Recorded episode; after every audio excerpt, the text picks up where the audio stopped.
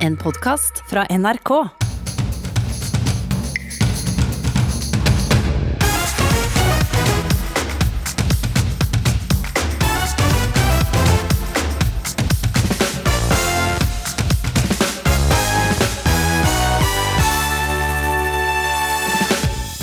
Redaktør Trygve Hegnar syns økonomibloggerne gir for banale råd. De var veldig opptatt av det at man skulle sjekke kontoen sin en gang i uken. De var opptatt av at man skulle handle bare en gang i uken, at man skulle skrive handlelapp. Siviløkonom Siv Slevigen tar kritikken med ro. Hun tror det enkle er det beste. Du får ikke ekstrapoeng for å forklare ting komplisert hvis det kan forklares enkelt. Vi er ikke små barn, og vi kan ta vare på oss selv, sier Heidi Køhn. Hun er en av dem som raser over forslag om portforbud, hvis det blir nødvendig. Og møt 27 år gamle Emil fra Bærum, som søkte om jobb i 11 fiskemottak. Og det var ikke så enkelt. Responsen fra mottakene var eh, De var, de var skeptiske.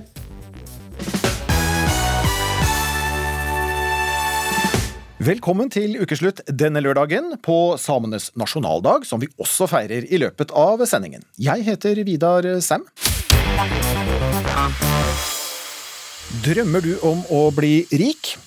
Mange vil gi deg råd, både økonomiblogger på økonomiblogger og på Instagram. Men mange av rådene som er i omløp er for banale, det syns redaktør og aviseier Trygve Hegnar. Han skrev også på lederplass i Kapital at eh, kvinnelige eksperters råd virker å være vesentlig forskjellig fra menns råd. Men har han rett? Reporter Kari Li ble satt på saken. Da Solveig Olsen fra Bergen døde i 2015, så ble det ikke funnet noen arvinger. Ville det ikke vært kjekt om du plutselig en dag fikk en haug med penger, sånn som i programmet Ukjent arving? Solveig etterlot seg tre millioner kroner. Å, det var jokeren! Jokeren. ja! Eller at du fikk jokeren i lottotrekningen. Vet du hva det betyr? Akkurat som Kim André fra Mosjøen sist helg. Det betyr... Ja, det er vel 2,9 da, ikke det? 2 986 000 kroner som er dine! Nei, de fleste av oss må heller finne ut hvordan lønna kan strekkes til å dekke alle utgifter. Og da trenger vi gode råd. Og det du da gjør, helt generelt, det er at du tar et blankt ark, og så deler du det i tolv rubrikker. Året er 1995, og siviløkonom Agnes Bergo ber P2-lytterne tegne et budsjett. Og så skriver du i alle disse tolv rubrikkene i januar, februar, mars og alle månedene bortover. Nå for tida er det økonomiråd overalt, også på Instagram. Visste du at hvis du sparer 28 kroner om dagen, har du 10 000 kroner til det du ønsker deg aller mest før det har gått et år? 28 kroner, liksom. Hva er det? Men slike hverdagsråd blir for banale, synes eier og redaktør i Kapital- og Finansavisen, Trygve Hegnar. De var veldig opptatt av det at man skulle sjekke kontoen sin en gang i uken. De var opptatt av at man skulle handle bare en gang i uken, at man skulle skrive handlelapp. Øh, Og at man skulle vite hva renten var, og at var, man måtte vite forskjell på, på øh, helgemat og hverdagsmat osv. Det syns jeg var ganske snålt. Hegnar leste en artikkel i VG hvor kvinnelige økonomibloggere ble spurt om råd. I Kapital under tittelen 'Kvinner og pengesnakk' skrev Hegnar så at det kan se ut som rådene fra kvinnelige eksperter er vesentlig forskjellig fra rådene som kommer fra menn. Og alle råd er viktige, også disse, det skrev jeg i lederen min. Begge deler er viktige, og alle mennesker som jeg kjenner trenger råd, enten de har dårlig økonomiutdannelse eller ingen økonomi, økonomiutdannelse. Det er en forskjell på rådene, og de forskjell på råd som jeg er opptatt av, det er litt mer krevende råd enn det å si at man må ta hensyn til at det skal være forskjell på helgemat og hverdagsmat. Nei, jeg skvatt rett og slett jeg, da jeg så den eh, lederartikkelen. Kommentator i Dagbladet, Martine Aurdal, var rask til å svare Hegnar. Han mener åpenbart å sette forbrukerøkonomer på plass, men plasserer først og fremst redaktøren selv trygt i bossen 'gretten gammel gubbe', skrev jeg. Kommentator i Dagbladet, Martine Aurdal, mener du mest av alt signaliserer at du er en gretten gammel gubbe? Hva sier du til den karakteristikken? karakteristikken?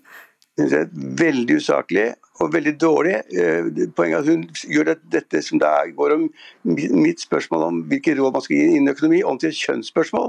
Og at jeg er gammel, hva, slags, slags måte er de å behandle andre på? En, en debatt på at de er gamle eller unge, eller hvilket kjønn de har. Det er jo helt absurd at en redaktør i Dagbladet kan si noe så dumt. Men at du er litt gretten i de lederne dine, kan du være med på det? Nei, ikke i det hele tatt. Jeg skriver jo hver dag, og det er mye moro nesten daglig. Du skriver jo at uh, rådene er naturlig nok ikke, slik, ikke slike som våre råd, da vi krever litt mer kompetanse og utdannelse hos leserne. Er ikke det å utelukke mange lesere, da? Og si at vi, de kan ikke klare å lese avisene dine? Nei, det er en bitte liten advarsel at finans er ganske komplisert. Og at hvis man da skal måtte følge oss i det vi skriver om, så krever det litt mer. Det er litt arrogant kanskje, men det er faktisk riktig. Jeg syns at han er nedlatende mot kvinner og folk flest. Og jeg vet ikke om det skyldes misforståelse eller bevisst hersketeknikk. Siv Slevigen er siviløkonom, har Instagram-kontoen Happy Penger og blir omtalt av Hegnar. Jeg kan forklare ting komplisert, men du får ikke ekstrapoeng for å forklare ting komplisert hvis det kan forklares enkelt. Det er snakk om å spare seg opp en buffer, det er snakk om å spare i BSU og spare til bolig, og så er det snakk om å gradvis investere i globale indeksfond. Og hvis det verste som skjer er at folk flest begynner å investere i globale indeksfond for penger de ikke skal bruke de neste fem årene, så er det en god ting. Her har han benyttet anledningen til å sette sånt unaturlig skille da, mellom oss og dem, eller kapital og kapitalslesere, og eh, vanlige folk. Marie Olaussen er journalist og kaller seg økonomiguide. Hun kritiseres av Hegnar, som mener Olaussen lurer folk til å tro at de kan bli rike på ett år. Rikdom er ikke et begrep som de eier i kapital, men eh, jeg lover heller ingen av leserne mine at de skal sitte igjen med en formue på et år. Da. Men de kommer til å få en stor endring i livet sitt hvis de tar tak i økonomien. Og de kommer til å oppleve at de er blitt rikere. Altså, jeg har brukt penger på bensin på bilen. Bensin? Jeg kjører veldig mye. Aha. Eh, snus. Du kjører mye? ja? Du, du bor nesten midt i Oslo? Du si. Hvis du fortsatt synes veien til rikdom virker uendelig lang, kan det være en trøst å se Luksusfellen på TV3. Der bruker deltakerne kredittkort til absolutt alt. Bensin. Um, er det andre ting? Disse. Puppene? Ja. Nye okay. pupper. På kreditt? Ja. Akkurat. Programleder Hallgeir Kvadsheim blir litt paff over pupper på kreditt, men henter seg inn. Men du er fornøyd? Kjempefornøyd. Du kan ikke sette deg ned med en person som skylder to millioner og, og snakke om porteføljeteori og sharp-ratio. Du må jo snakke om handleliste og at de må slutte å snuse. ikke sant? Altså, du må gå ned på Du, du, du må gi sånne råd. Kvadsheim, som er siviløkonom, synes ikke Hegnar skal satse på at hans lesere ikke har behov for enkle råd om privatøkonomi. Jeg har ikke tall på hvor mange gründere, advokater og økonomer som, som tar kontakt med meg for å få råd om egen privatøkonomi. De, de har ikke dyr eh, kredittkortgjeld eller noe sånt, men uansett hvor mye de tjener, så klarer de ikke å legge av penger. Boliglånet, der må de øke.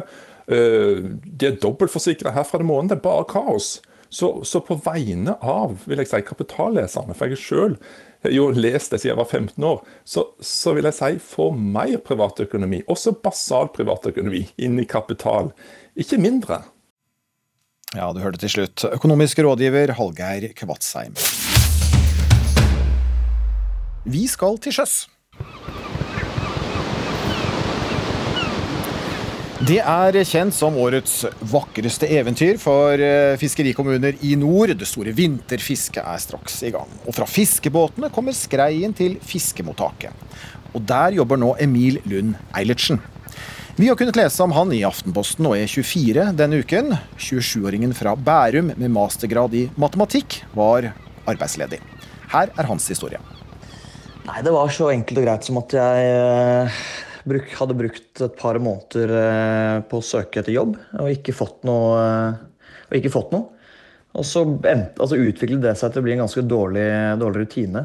Jeg sto opp sent, la meg sent og ja, altså hadde ingenting å stå opp til. Og det var ganske demotiverende. Eh, og så plutselig så, så min, eh, min mor tipset meg da om, at, eh, om dette, dette lofotfisket. Og oppfordret meg til å ringe, ringe opp.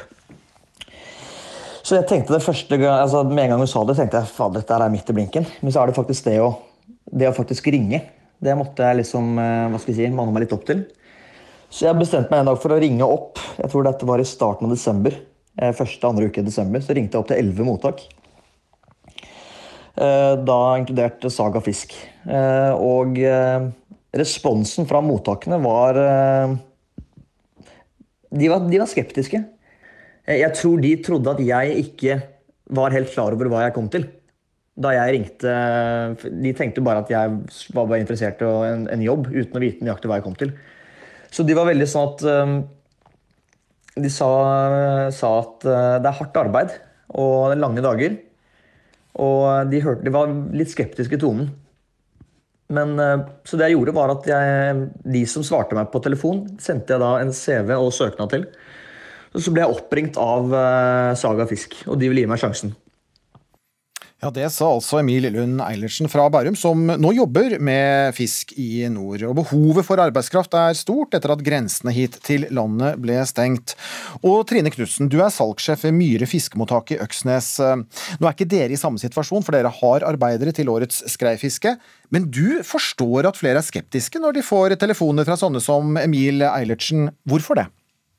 Jo da, det skjønner jeg eh, på bakgrunn av at det yrket som utføres her, det er jo et fagarbeid. Og det er jo vel ikke sånn at alle bare kan hoppe rundt og lære seg å jobbe i fiskerinæringa sånn på momenten. Nei, altså fiskeriministeren han oppfordrer jo nylig bedrifter om å rekruttere norsk arbeidskraft. Hva synes du om den oppfordringen? Jo, er, altså, Tanken er fin, men vi må huske på det at ansettelsene vi har gjort, det har vi jo gjort for lenge og lenge siden. Det er jo ikke sånn at vi hopper rundt i, i romjula og ansetter 200 mennesker. Vi har jo folket. Så at, og at han Emil har fått seg jobb, det er jo en solskinnshistorie og kjempebra. Men jeg tror ikke norsk fiskerinæring kan berge alle de som er permittert. Men også, det er jo, Nei, det er, det er så, men det er jo et paradoks da, at når grensene hit til landet er stengt for arbeidskraft, og, og behovet eh, meldes som skrikende, i hvert fall fra, fra, fra flere i fiskeindustrien, så er altså fiskeribedriftene skeptiske til å hyre inn nordmenn. Noe arbeidskraft burde vel kanskje gå an å få inn, selv om det krever kompetanse? Absolutt, og det føler jeg jo at vi har. Det er jo ikke sånn at det er 100 bemanna av utenlandsk innleid arbeidskraft. Vi har jo lokale folk, og vi har eh, norske folk som har søkt på jobb. Så det bildet er ikke helt sånn svart-hvitt at det er totalt stengt for norske permitterte. Nei, det er litt sånn signalet som sendes da når Emil f.eks. prøvde elleve fiskemottak. Eh, og Han fikk jo napp, men de var, eh, de var skeptiske. Jonny Ingebrigtsen, du er fisker. Har selv to båter og har flere ansatte. og så for ordens skyld tar jeg med at du også er SV-politiker. Og du sier ja takk til nordmenn som vil ha jobb i en kort periode. Hvorfor det? Ja, altså, Vi som bor ute i fiskeværene omkring, vi ønsker jo at folk skal leve og bo her. Ikke bare komme inn og være inntil 186 dager i året for å få lavest mulig beskatning. Og at vi skal, ha, vi skal ha ringvirkninger av naturressursene. og Det vi gjør. Det er derfor vi, vi, ønsker å helst ha nordmenn. Men vi ser jo det at vi, det er for lite nordmenn til å produsere alle naturressursene som vi har. Så vi må ha hjelp fra utlandet også. Mm. Men det signalet, hvilke, hvilke, signal tenker du da fiskemottakene sender når en, en 27 år gammel arbeidsledig fra Bærum har lyst til å jobbe og møter stort sett skepsis? Dvs. Si han fikk til slutt jobb, men skepsisen var stor. Ja, det, er, det er gode historier som vi alle sammen skal ta til oss og gjøre noe med. Og jeg skjønner det at folk og miljø kan være skeptiske når de hører det. Og nå håper og tror jeg det er unntakene, selv om han var i kontakt med elleve bedrifter før han fikk et ordentlig napp og fast fisk til jobben sin. Ja, hva, hva konkret tenker du man kan gjøre noe med, da? Jeg tror det handler en del om holdningsskapende. og det er klart at Alle som begynner i en jobb, selv om de er teoretisk utdanna til det, så skal de tilvennes. Alle sammen om bord på en båt har jo vært en skorronge. Og Det samme vil jo han Emil være. Og også de utlenderne som da er over flere år har lært seg hvordan man skal gjøre jobbene. Så alle må få en tilvenningsperiode. Og det aller beste vil jo være om at vi, vi fikk mest mulig nordmenn til at vi er selvforsynt med også arbeidskraft til å gjøre de jobbene for å prosessere og ta vare på alle naturressursene våre. Ja, og sier Jonny Ingebrigtsen er holdningsskapende, og, og, og Trine Knutsen ja, kunne man gjort noe med, med, med kanskje med holdninger, og, og, og, sett om det gikk an å, å, få nordmenn også mer kompetente til å stå i fiskemottakene i nord og vest? Absolutt, men, men jeg må spørre, hvor var han Emil i fjor? Og hvor er han til neste år? Vi må huske på at vi er i en, i en, pandemi. Det er grunner til at ting er sånn som de er. Så vi må ikke bli blinda av at, eh, ikke, altså, tanken på at vi ikke vil ha nordmenn, for det er ikke sånn. Mm. Og Det er vel kanskje et problem, eh, John Ingebrigtsen. Eh, når pandemien er over og, og nordmenn igjen får jobb, så blir det kanskje med den engangsturen til fiskemottaket. Og så var det det. Det kan jo være, men jeg tror ikke bildet er så sort-hvitt. Eh, jeg kjenner jo til at det er jo eh, mange som vil ha jobb ute i distriktene. Vi ser bl.a. noe bra er begynt å komme igjen etter, komme, eh, etter eh, pandemien. Folk vil bo mer ute i distriktene, og vi ser også at de kan gjøre det også med det teoretiske eh, arbeidet sitt. Man trenger ikke å være i bykjernene. Og flere og flere får øynene opp for et annet type liv, og bl.a. jobbe i fiskeindustrien. Men vi må gjøre det her sammen. Industrien også må tilrettelegge litt bedre for mer jevn sysselsetting og gjør også noe med lønnsnivået, så vil nok også nordmenn se at det kan være et godt liv, og det kan være godt betalt også å eh, jobbe i fiskeindustrien som sjømat, som er den tredje største eksportnæringa for Norge. Ja, Ligger det lønn inn i bildet her også, Trine Knutsen? Nei, jeg tror ikke det. Jeg, jeg, vet ikke hva folk forventer når de starter en plass eh, uten noe slags kompetanse og erfaring. Eh, man har en minstelønn og en allmenngjort tariff, den forholder vi oss til. Og eh, ja, her er mange som tjener gode penger i fiskeindustrien, det er jo ikke tvil om det. Mm. Du, eh, John Ingebrigtsen, eh, Emil fra Bærum, han, han sa bl.a. at det de var skeptiske til, var om man liksom kunne ta hardt arbeid, eh, hardt fysisk arbeid. Eh, er vi nordmenn skodd nok? Har vi både styrke og arbeidsmoral nok til å ta det harde fiskearbeidet? Det er jo bare å se på Dagsrevyen. Der er det også en drøss av nordmenn som springer både på fjellet på ski og på truga. De er på treningssenter, og er, vi, vi, er, vi er verdensmestere i sport. Så at vi nordmenn kan ta et kraftig tak i, i, i torsken som er på tur til kysten, og både sløye han og være med på å kutte han opp og sende han til utlandet og få gode penger igjen, ja, det tror jeg absolutt på.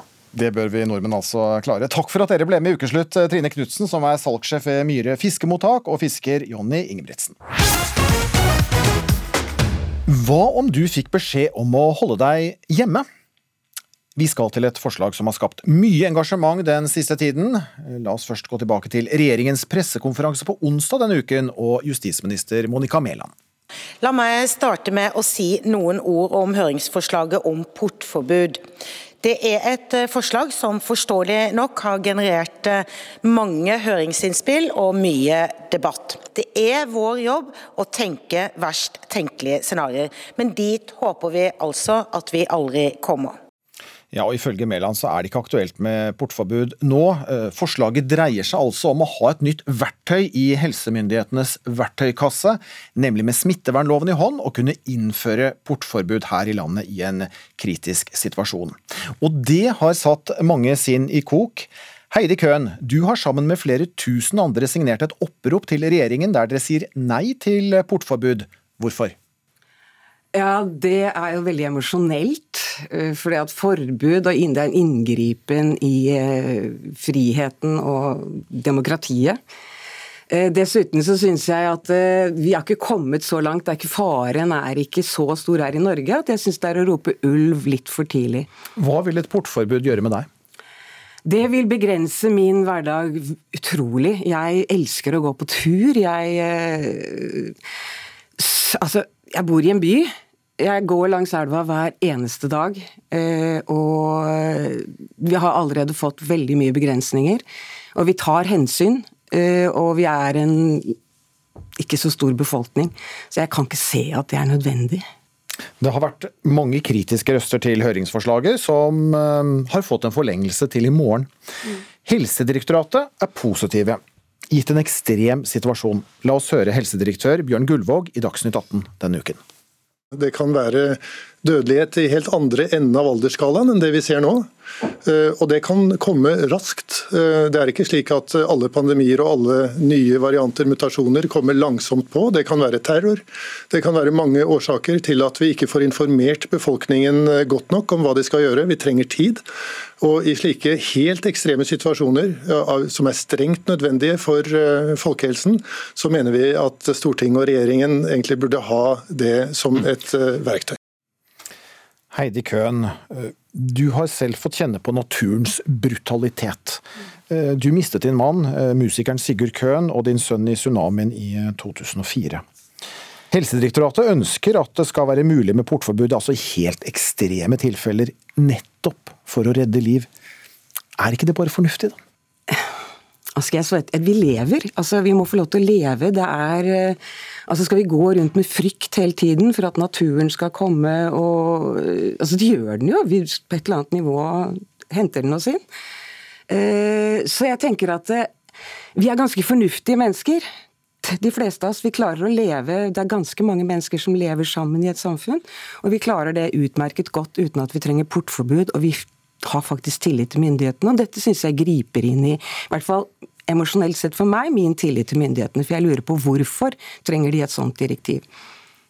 Carmen Sanz, du er med oss fra Madrid, og du har opplevd portforbud i byen i nærmere tre måneder i fjor. Hvordan er det å leve under et eh, portforbud? Ja, man eh, overlever, eh, kan vi si.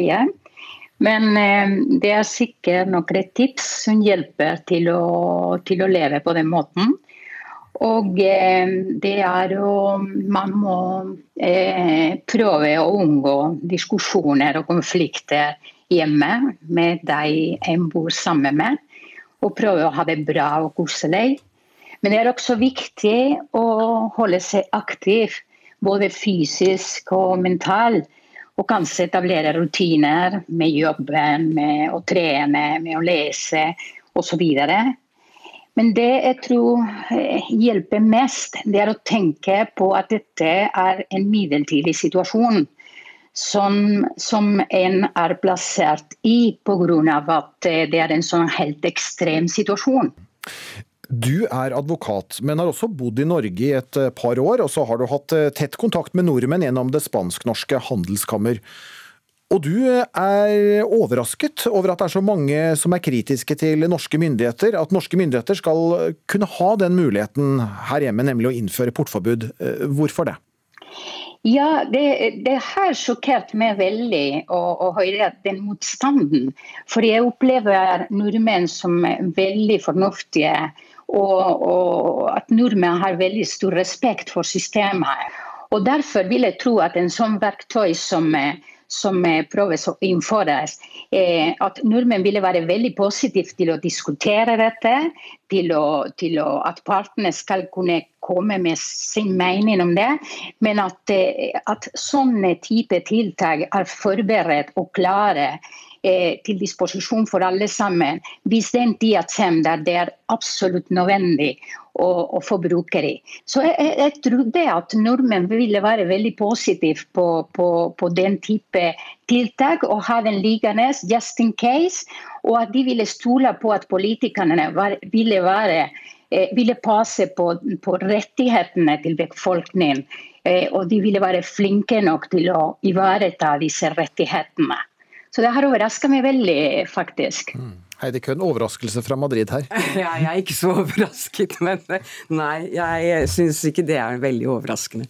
Men eh, det er greit nok det at eh, vi bor, altså nordmenn, og nettopp derfor, fordi at vi så, har så tillit til myndighetene her i Norge, og fordi vi er så få mennesker, så syns jeg at det er en helt unødvendig, et nødvendig inngrep.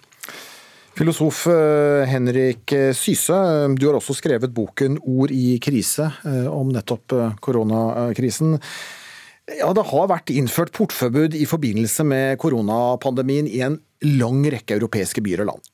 Stort sett uten massebråk. Dette er land som har vært langt mer rammet av pandemien enn oss. Likevel, Hvorfor er det så stor motstand her i landet til bare det å utrede en mulighet for å innføre portforbud under en ekstrem situasjon?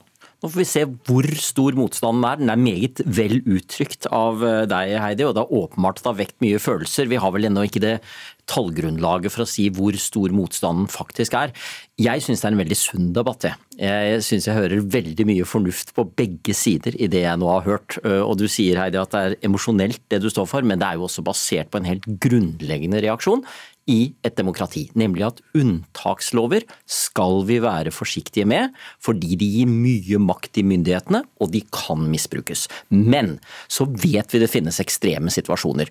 La oss ta et jordskred hvor man blir fortalt at nå er det ikke lov å gå ut og gå i den gaten, fordi her er det fare for liv. Da vil alle si selvsagt skal vi følge det. Og Det er nok det myndighetene er ute etter her.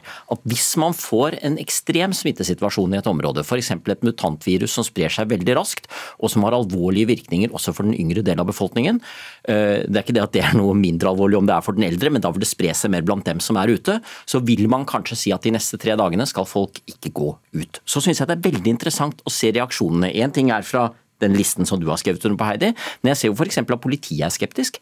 For de er redde for at de ikke vil klare å håndheve dette her, og at det vil bli en ganske skummel måte å håndheve det på. ikke sant? Du er bare ute for å kaste søppelet, kan du bli øh, fengslet. Så jeg ser det er mange argumenter mot.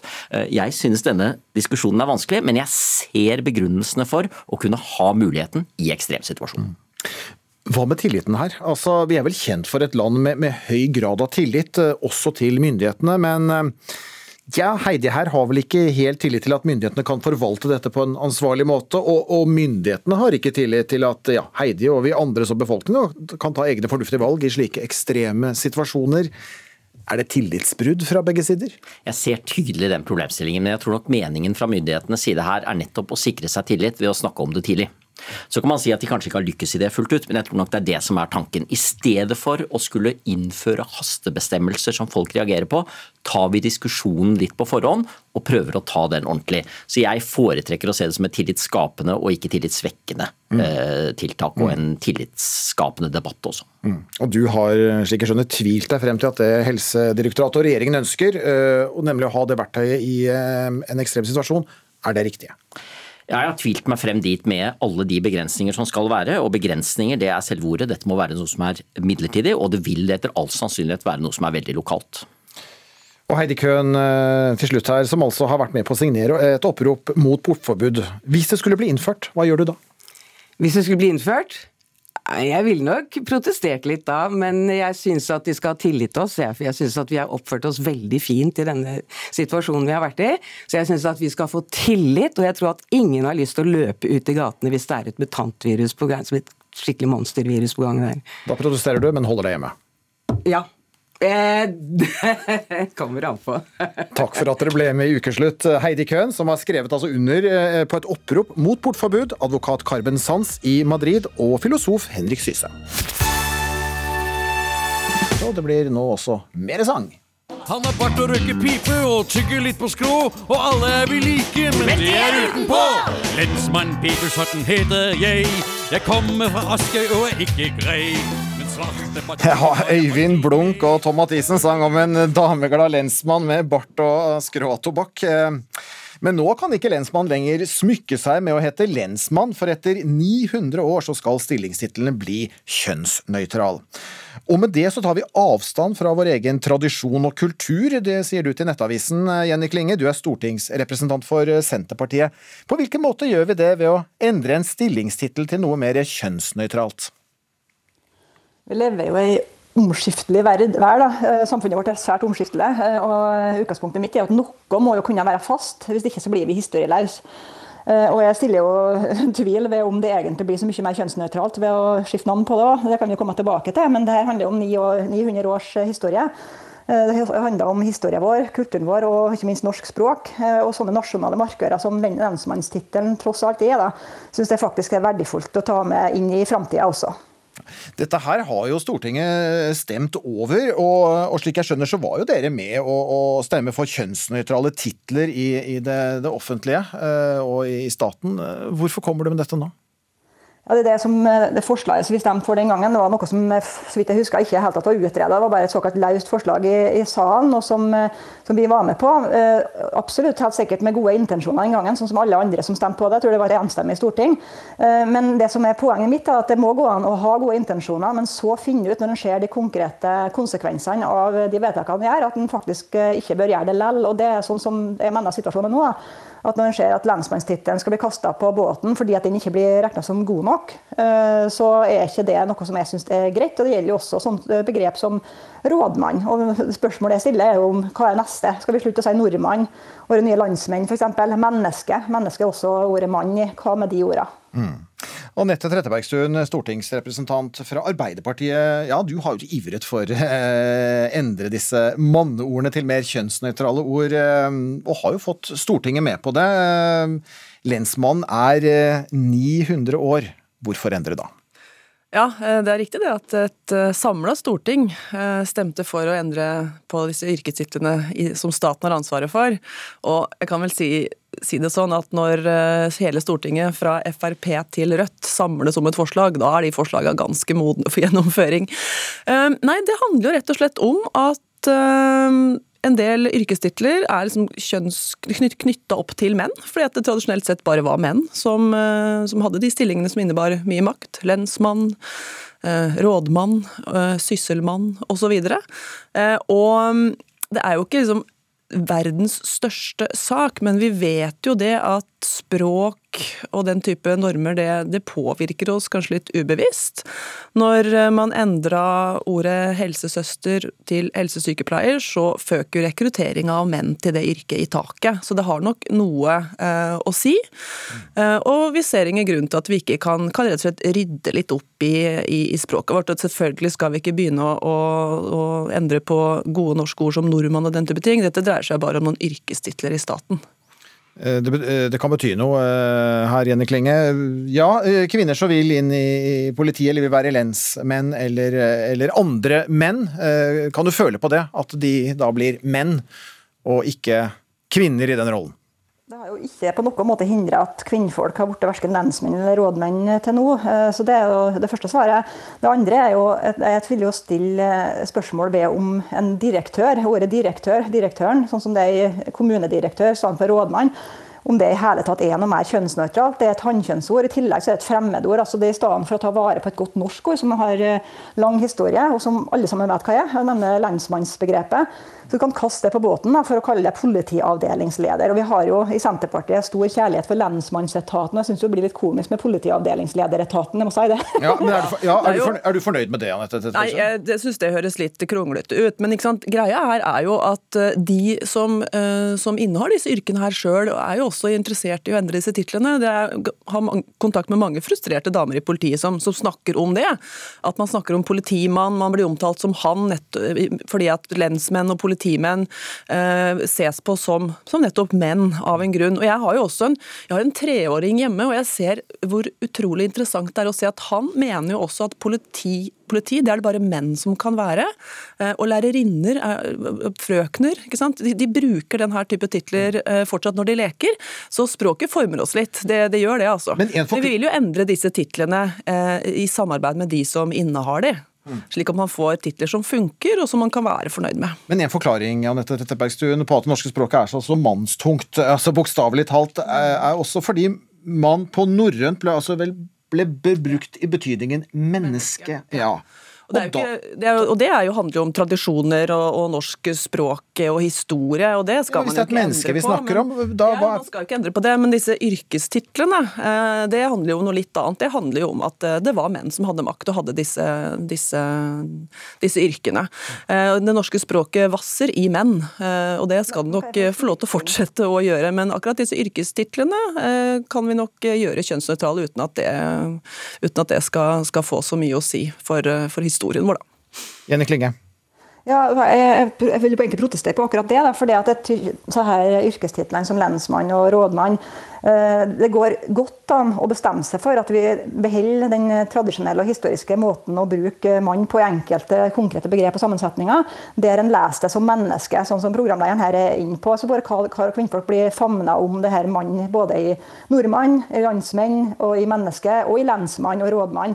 Eh, så Hvis vi kan gjøre det som nasjon, da kan bestemme oss for at vi kan legge det innholdet i det begrepet, eh, så mener jeg det er mye mer fornuftig. For da tar vi også vare på historien vår, på språklige tradisjoner og på kulturen vår, i stedet for at vi drar inn et fremmedord som f.eks. direktør, da, som er et hannkjønnsord. Det er jo like lett å tenke kar når en hører direktør, som, en hører, som når en hører lensmenn eventuelt. sant?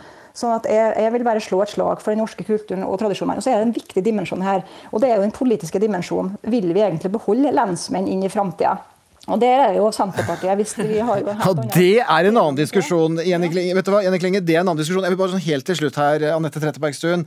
Um, hvis vi så ser, veldig kort til slutt ser bort fra disse her kjønnsnøytrale titlene da, i det offentlige og i staten, så har vi jo fortsatt både nestemann og sidemann og bestemann og rødmann og nordmann. Du nevnte så vidt, men kommer vi til å ha disse mennene til evig tid? Ja, det, det, kommer vi til å ha, for det handler jo om eh, språket vårt som vi bruker i, i dagligtalen. Og det er jo språkhistorie knytta til det. Men akkurat yrkestitler i staten de kan bli kjønnsnøytrale, sånn at, uh, vi kan, at de kan favne bredere, og vi kan øke rekrutteringa fra begge kjønn. Men noen menn, det beholder vi. Eh, takk for at dere tok debatten om lensmann og andre menn her i Ukeslutt. Jenny Klinge, stortingsrepresentant for Senterpartiet, og Anette Trettebergstuen, stortingsrepresentant fra Arbeiderpartiet.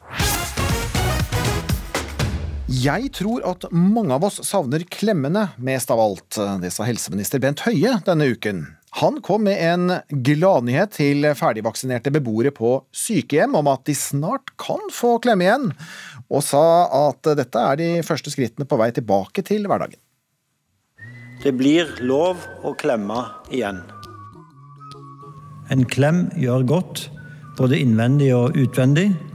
Den blir liggende lenge på kinnet og minner deg om at noen er glad i deg. Snart er det noen som kan gjøre det igjen. Beboerne på sykehjemmene. Hvor viktig er det for deg at man nå endelig kan få lov å få klemmer igjen? Jo, det er jo koselig, det. Ja, absolutt. Hva betyr det? Glede i hverdagen. Hva betyr det for deg at nå endelig så kan man få klemmer? Jeg er ikke så glad i å klemme. Ja, jeg er ikke så glad i å klemme, hørte vi en av beboerne på et sykehjem i Porsgrunn si til eh, slutt her. For det er ikke alle som gleder seg over at klemmingen kan komme tilbake igjen. Øyvind Bakke, journalist i TV 2. Du er ikke en klemmer. Hva tenker du om at denne klemmedvalen i samfunnet snart kan være over? Nei, uff, hva skal jeg si. Um, jeg gleder meg mer til andre ting er tilbake til normalen, enn at klemmingen dukker opp igjen. i alle fall. Ja, For det her har du jo sluppet eh, snart et år. Eh, hvordan har det vært, eh, vært da å, å, slippe masseklemming, som du kaller det, i nesten ett år? Ja, nei, Det har jo vært helt strålende. Det har jo vært det beste med dette siste året. At man har sluppet unna all denne her, etter min mening, unødvendige og overdrevne klemme, klemmehysteriet. Mm. Du eh, skrev et innlegg på TV 2 eh, for et års eh, tid siden, eh, hvor du kom skal vi si, ut av skapet som ikke-klemmer, og så siden så har du blitt intervjuet eh, også her i Ukeslutt og andre steder. Og ja, skal vi si blitt hele Norges eh, antiklemmer. Hva, hva er det du ikke liker ved klemmen?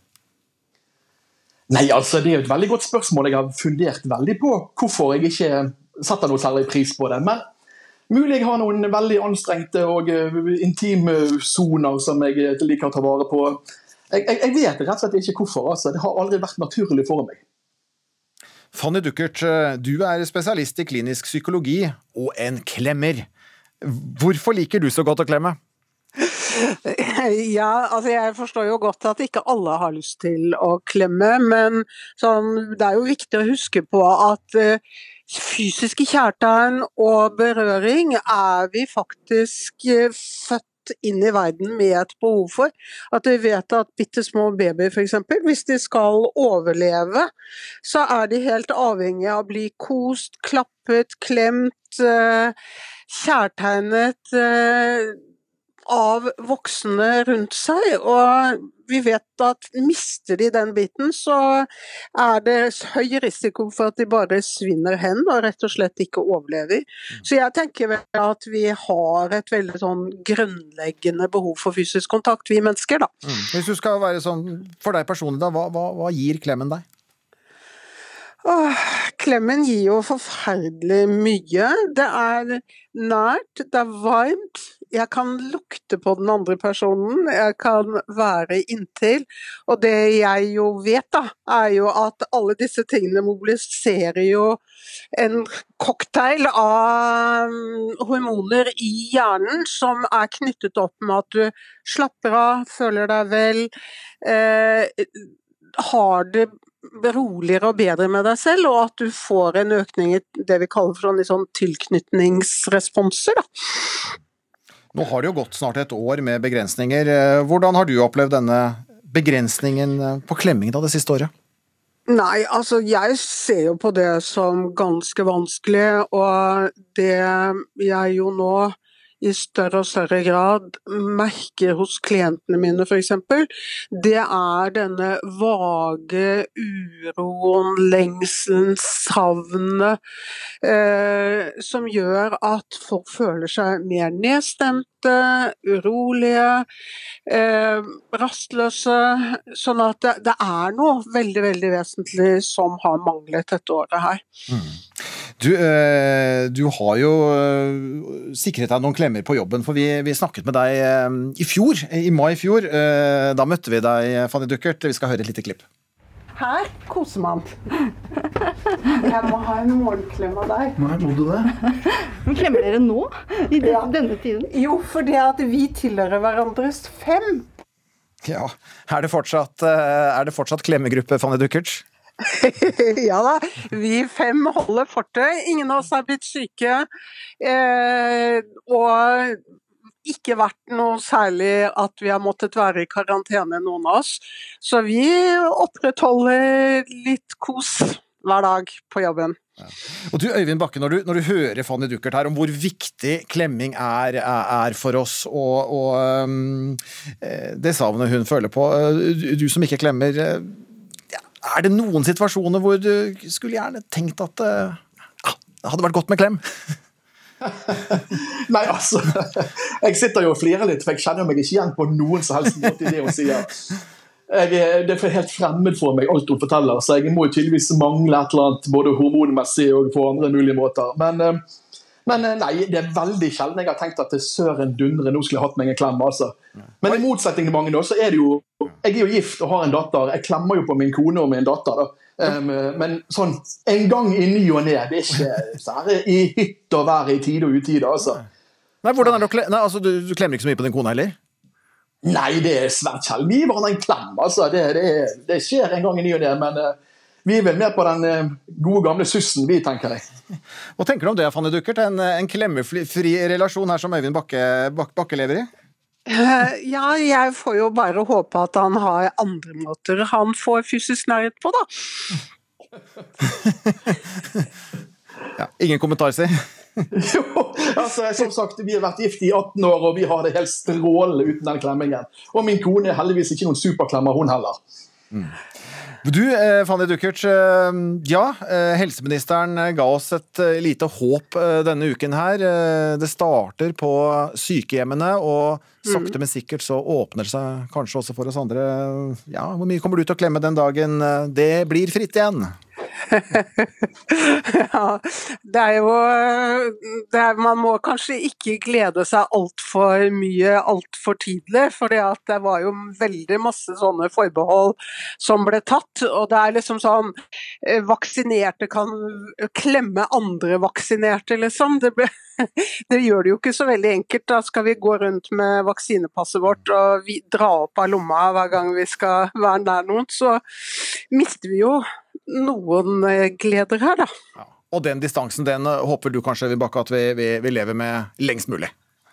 Den kan godt fortsette for min del, det gjør meg ingenting. Takk for at dere ble med her i Ukeslutt. Eh, klemmeren og psykologen Fanny Duckert, og antiklemmeren og journalisten Øyvind Bakke. Når startet forrige istid? Um, og hva kalles fuglene som flyr til varmere strøk for uh, vinteren? Tja, jeg sitter her med en melkekartong i studio. Og på den ene siden av uh, kartongen så er det en uh, vinterquiz. Men hva om quiz og gøy på melkekartongen ble erstattet med dette? Ingen har lov til å true barn. Barn har rett på en trygg barndom. Ingen voksne har lov til å misbruke barn. Ingen barn skal bli slått. Barn er, har rett til å bli hørt. Barns rettigheter? Ja, det bør stå på melkekartongen, mener Ragnhild Gjerstad. Hun er mormoren til åtte år gamle Kristoffer, som døde i 2005 av skader han var blitt påført. Hans stefar ble dømt for dette. Målet er å unngå at andre barn opplever det barnebarnet hennes gjorde. Vi skal høre hva hun tidligere har sagt til NRK. Min største drøm det er at eh, på melkeliteren Den har fire sider. På den ene sida skal det stå 'du har ikke lov å slå'. Andre 'du har ikke lov å misbruke barn'. Du har ikke lov å true barn. Alle barn har rett på en trygg barndom. Hvis den melkeliteren står på frokostbordet, den gjør noe med de stakkars ungene som opplever det. Kan tørre å si ifra. For melkeliter, det er noe alle har på bordet. Så den jobber jeg for. For det er eh, veldig, veldig mange unger som har det ikke greit. Det sa Ragnhild Gjerstad. Og dette var hentet eh, fra NRKs podkastserie Hele historien, som har tatt for seg Kristoffer-saken fra 2005.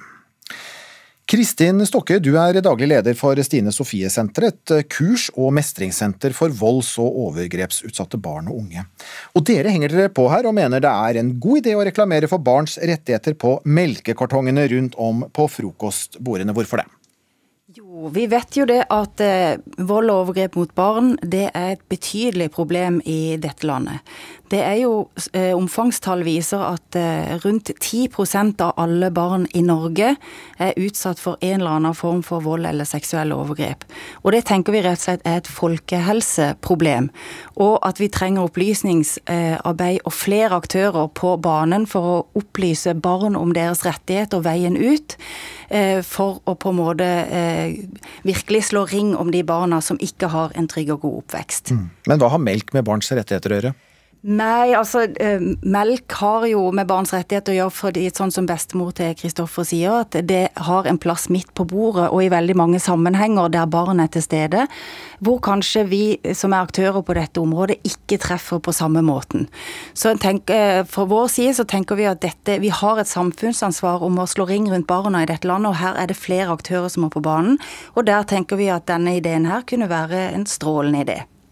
Tine Meierier har eh, takket nei til å stille. Selskapet sier det er eh, vanskelig å velge ut én god sak de skal ha på melkekartongene, og at de ønsker å fronte saker som er tettere på Tines virksomhet.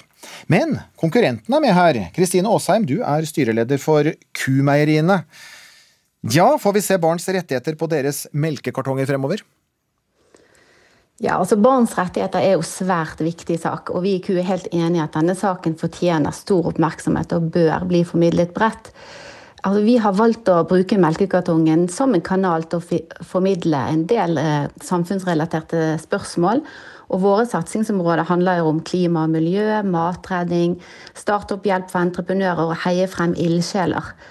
Så Vi ønsker jo å spre et positivt samfunnsengasjement og fokusere på løsninger. Ja, men, men, men dere, i forhold til barns ja, si dere, bruker, ja, dere bruker også en uh, side Jeg begynte jo, startet jo der med en side er jo da vinterquiz, uh, som den ene siden av melkekartongen deres. Uh, kunne vi byttet vinterquizen med f.eks.: Visste du at voksne ikke har lov til å slå barn? Altså Det vi er opptatt av, det er jo liksom den positive løsningen og få et positivt eh, engasjement rundt eh, frokostbordet. Eh, og vi ønsker jo òg å bygge en trygg og god ramme rundt selve måltidet. Så vi har jo f.eks. løftet frem en del barns rettigheter. I fjor høst så hadde vi eh, det motsatte av å mobbe, nemlig gleding. Løftet frem et selskap som driver med gleding og vil gjøre Norge til verdens eh, vennligste land. Eh, vi løfter nå frem ildsjeler, men vi tror det er veldig viktig å ha den på en måte positive vinklingen i forhold til å få engasjementet. Og så ønsker vi å skape et, et trygt, godt måltid hvor melken skal være en bidragsyter. Ja, og da, Kan det da bli for, kan det bli for negativt eh, at det står altså barn skal ikke slås, når man skal sitte med den gode stemningen ved matbordet, sånn som du ser det? Altså Det vi tror jo er dette er jo et så alvorlig budskap, og at vi tror at det fins en del andre kanaler, og ikke minst arenaer som er utenfor husets fire vegger, som er bedre til å formidle det budskapet. Mm. For Kristin Stokke i Kristin Stokke, Unnskyld. Kristin Stokke i Stine Sofie-senteret. Um, det er et alvorlig budskap. Barn sitter der, fire, fem, seks, sjuåringen ved frokostbordet. Skal de få det der trygt? hver dag altså, i, ansiktet at visste du f.eks. At, at, at voksne ikke har lov til å slå barn. Det er jo et Det kan ses på som et, eh, også et negativt budskap. Ja, jeg ser det. Men det, dette, da er vi jo litt sånn til kjernen i hele problematikken rundt det å jobbe for eh, trygge oppvekstvilkår. Og det er at det med vold og overgrep det skaper et ubehag i de aller fleste av oss. Vi får lyst til å snu oss vekk. Eh, og så tvinger, altså Hvis vi virkelig skal hjelpe disse barna, så tvinger det oss til å se tilbake og forholde oss til at så mange barn og unge i dette landet opplever vold eller seksuelle overgrep. Eh, og så tenker jeg det at eh, tenker, du, du, snakker om dette med en positiv vinkling. så tenker jeg En positiv vinkling er jo at vi har Barnekonvensjonen, som er vedtatt av alle land som er med i FN. Uh, og der Det er faktisk barnas egen grunnlov. Tenk, barn har en egen grunnlov i dette landet. Det tenker jeg er en positivt budskap. Og så er det også viktig å si at det er ganske mange undersøkelser som viser at det er for oss voksne Vold og overgrep skaper det største ubehaget. Barna selv syns ikke dette er så ubehagelig å prate om. Så her har vi på en måte vi har et ansvar. Vi må nok snu litt tenkninga rundt dette temaet, det å tematisere det både for voksne og barn. For ubehaget ligger stort sett mm. hos oss voksne. Okay. Og hvis denne melkekartongen som står eh, her på bordet i studio mitt nå, med, med vinterquiz, altså skulle forandres da fra quiz til rettigheter for barn Hvis jeg helt eh, kort utfordrer deg eh, her nå Stine Aasheim, eh, hvordan kunne det ha sett ut? Nei, altså jeg tror at Hvis vi kan ha organisasjoner som jobber positivt for å finne løsninger på dette, så det er en vinkling inn. Eh, vi tror igjen eh, at det, det formidles bedre utenfor husets fire vegger. Når vi fikk denne henvendelsen fra Kristoffer sin bestemor, så gjorde vi en grundig vurdering og tenkte gjennom hvordan kan vi gjøre dette. Det kan vi fortsette å tenke sammen med de som jobber positivt for, eh, for barns rettigheter. Sånn som vi eh, bruker eksempelet på gleding. Ja. Rettighet, at, ja. Vi, men kan vi være enige om det? Rettigheter, ja, men i et positivt fortegn når melken skal stå der og vi skal ha det hyggelig ved frokostbordet. Eh, skal vi konkludere der? Eh, takk for at dere ble med i Ukeslutt, Kristin Stokke. Du er daglig leder for Stine Sofies senteret, og Kristine Aasheim, som er styreleder for Kumeieriene. 6. februar er det jo som kjent i dag, og det er også samenes nasjonaldag. Men til tross for eh, feiringen, at den kan virke litt amputert pga. koronapandemien, så stanser ikke det Anne Linnea Fjell Varsi fra å feire dagen med en champagnefrokost i Tromsø. Vi blir å samles en liten gjeng her i kollektivet og feire med litt champagnefrokost og god mat og bare hygge oss og nyte dagen. Hvorfor er det så viktig å markere samenes nasjonaldag? Jeg syns det er veldig viktig at vi har en dag der vi synes, og der vi kan få lov å kjenne på samholdet vårt. Og rett og slett feire oss sjøl. Jeg ser på det her som den beste dagen i året. Og vi får lov å vise hvor fin og stolt rett og slett vi er. Så det er en veldig viktig dag. Og eh, sist, men ikke minst, skal du følge med på Melodi Grand Prix i kveld. For det er jo Mikkel Gaup og Marianne Penta som, eh, som skal være med. Ja, så klart. Når det er noen som stiller for resepten min, så må jo man støtte om og være med og se og stemme. Absolutt. Så ønsker jeg deg Lihko babyen. Og Logikto. Ja, det sa altså samiske Anne Linnea Fjell Varsi til reporter Maren Gaup eh, Sandberg. Eh, ja, som vi hørte, det er ikke bare samenes nasjonaldag i dag, det er også fjerde delfinale i Melodi Grand Prix i kveld, og der er altså samene godt representert. Blant annet får du høre den her. I never turn pages.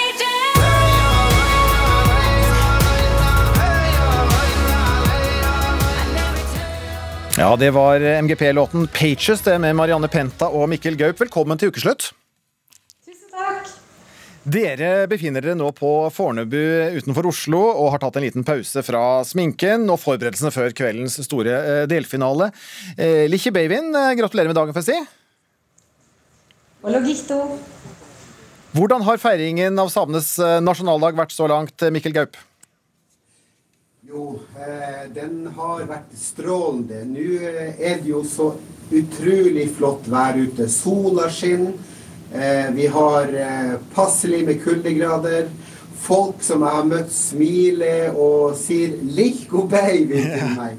Og vi har, vi har tatt, kommet i gang med, med dagen rolig og greit. og nå er det bare å jobbe, jobbe mål, målretta mot, uh, mot kvelden, som skal bli uh, et eventyr. Det skal bli herlig. Ja. Og Marianne Penta, dere er begge to samiske. Hvordan er det å kombinere MGP-fest med samenes nasjonaldag?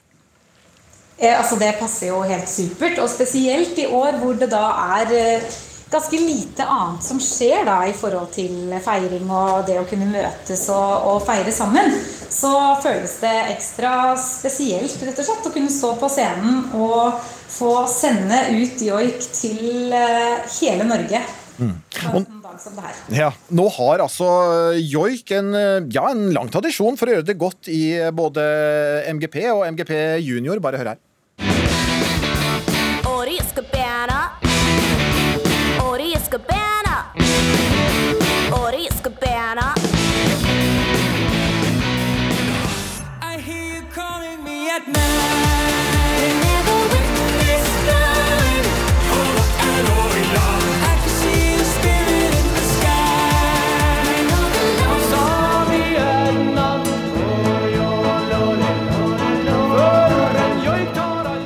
Ja, Gode gjenhør der. Du er jo med og joiker på sangen 'Pages' i kveld, Mikkel Gaup. Hva er det med, med dere samer og MGP som funker så bra sammen?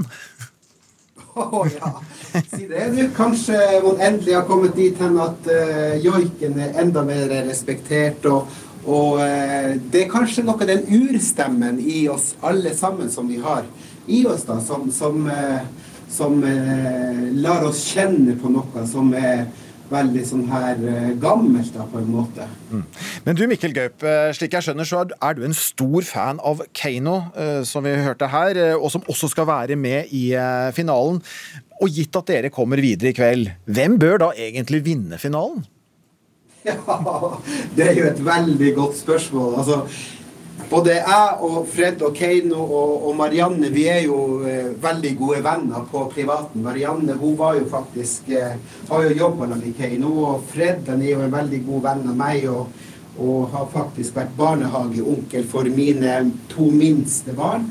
Og, eh, og eh, jeg reiste jo også ned til Tel Aviv for å få med meg eh, finalen der nede og tok med meg, med meg min eldste sønn, så vi er gode venner. Men når eh, vi nå skal på scenen og konkurrere mot hverandre, så, eh, så, skal det bli konkurranse. Og vi har jo selvfølgelig veldig tro på, på låta vår, hvis vi klarer å komme så langt. Så tenker jeg at det går for å, å, å slå Keiino her. Vet du hva? Eh, Melodi Grand Prix det starter klokken 19.50 på NRK1 i dag. og Etter det så markeres samenes nasjonaldag med et eget program utover kvelden. Marianne Penta og Mikkel Gaup, lykke til! Nå skal vi inn i en verden full av sammensvergelser. Noen av de som storma Kongressen i Washington, tror at verden er styrt av djeveldyrkende barneovergripere. Vi skal snakke nå om en økende trend av konspirasjonsteorier knytta til koronaviruset i kristne miljøer. Jeg føler det har vært mye fokus på ulike konspirasjonsteorier, og spesielt når vi fulgte det amerikanske valget. Ingenting er tilfeldig. Ingenting er hva det utgir seg for, og alt henger sammen. Og denne uken har eh, konspirasjoner igjen fått eh, nyhetsoppslag i forbindelse med at en republikaner i Kongressen ble fratatt komitéverv, annet fordi hun har gått ut og støttet eh, denne QAnon-konspirasjonen. Men konspirasjoner er absolutt ikke et nytt fenomen. Både i litteraturen og historiefortellinger er konspirasjonsteoriformen et kjærkomment grep. Og Hilde Østby, du er forfatter og har undervist skrivestudenter i hvordan man kan lage sin helt egen konspirasjon. Ja, hva inneholder en konspirasjonsteori? Ja, altså Først må jeg bare klargjøre at grunnen til at jeg har gjort det, er fordi det er et veldig kreativt arbeid som ligger bak alle konspirasjonsteorier. Det er på en måte som å løse et sånn prikk-til-prikk-bilde, men tegne strekene mellom helt andre punkter. Så du er ikke en konspirasjonsteoretiker, for å si det sånn? Jeg tror overhodet ikke på konspirasjonsteorier, det må jeg bare klargjøre. Ja, Men hva inneholder ja. Det viktigste elementene da, du må ha med, det må være en eh, ond intensjon.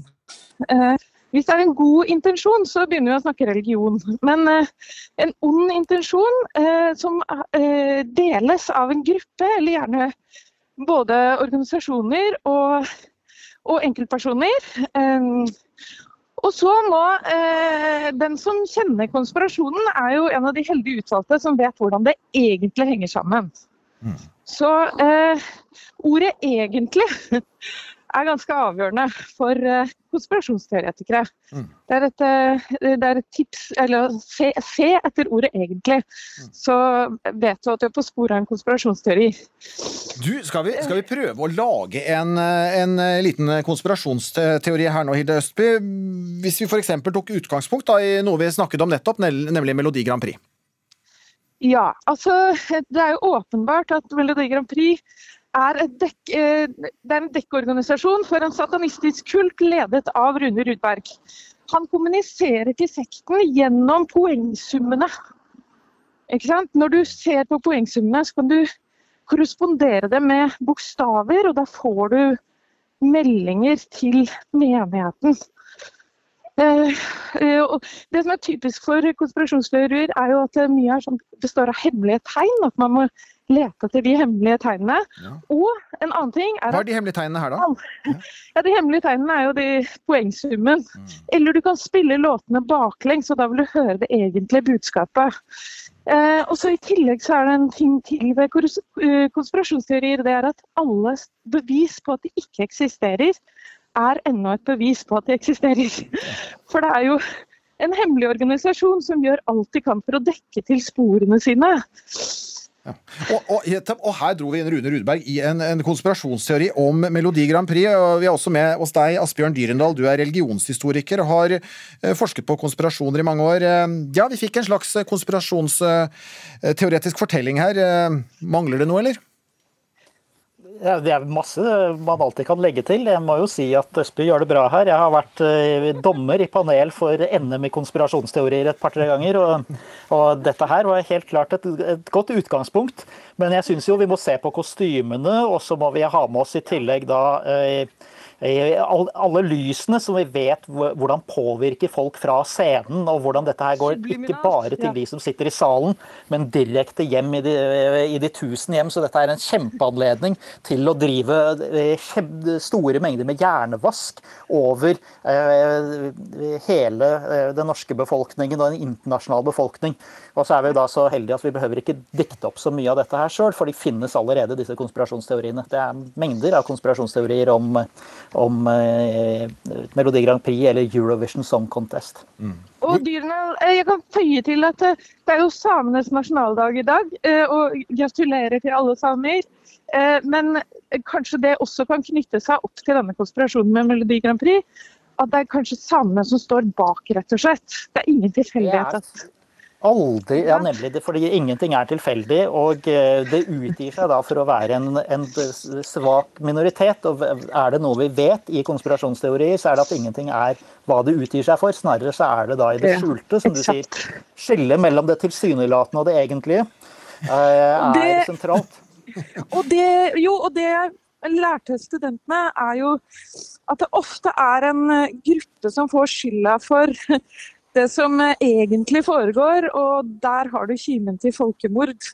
Så med en gang du trekker inn samene i denne konspirasjonen, så har de plutselig syndebukken, og så eh, kan forfølgelsene begynne på ordentlig. Så det er skikkelig farlige ting. Ja, her sausa vi sammen en skikkelig konspirasjon, eh, dere. Eh, Asbjørn Dyrendal, hva er det som fascinerer med, med, med dette her?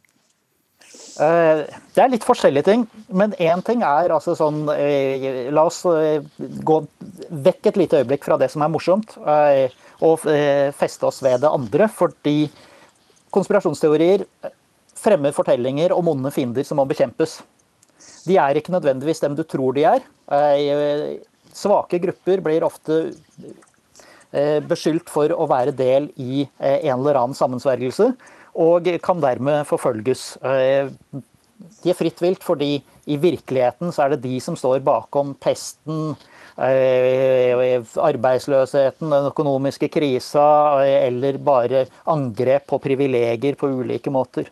Så det er en måte å sette fiendtlighet og fiendebilder i system innafor rammene av fortellinger hvor du får følelsen av at vi, eh, vår gruppe, er truet, og vi som har innsett dette helt eh, skjulte. Eh, Vi er en elite som har ansvar for å sørge for at det skjer noe med det. Mm, mm. Det er både dette eh, å fremme og støtte eh, ulike former for frykt, avsky, hat, og denne elitefølelsen ved å, eh, får lov til å lage seg store fortellinger hvor man eh, ser de skjulte sammenhengene om hvor ondskapen i samfunnet kommer fra. Mm.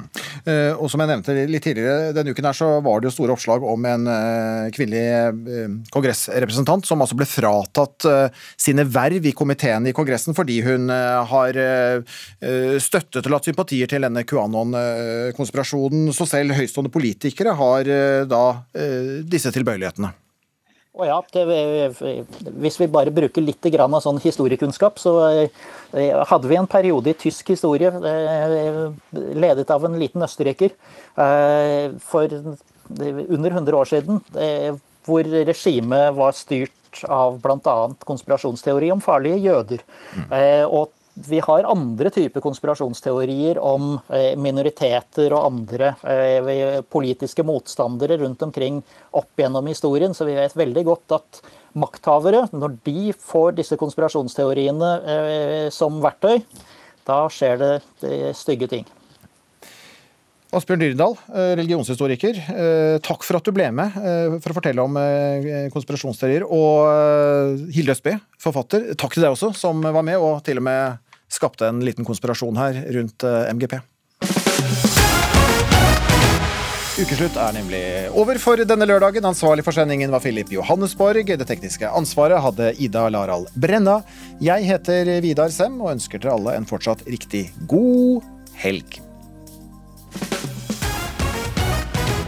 Du har hørt en podkast fra NRK. Hør flere podkaster og din NRK-kanal i appen NRK Radio.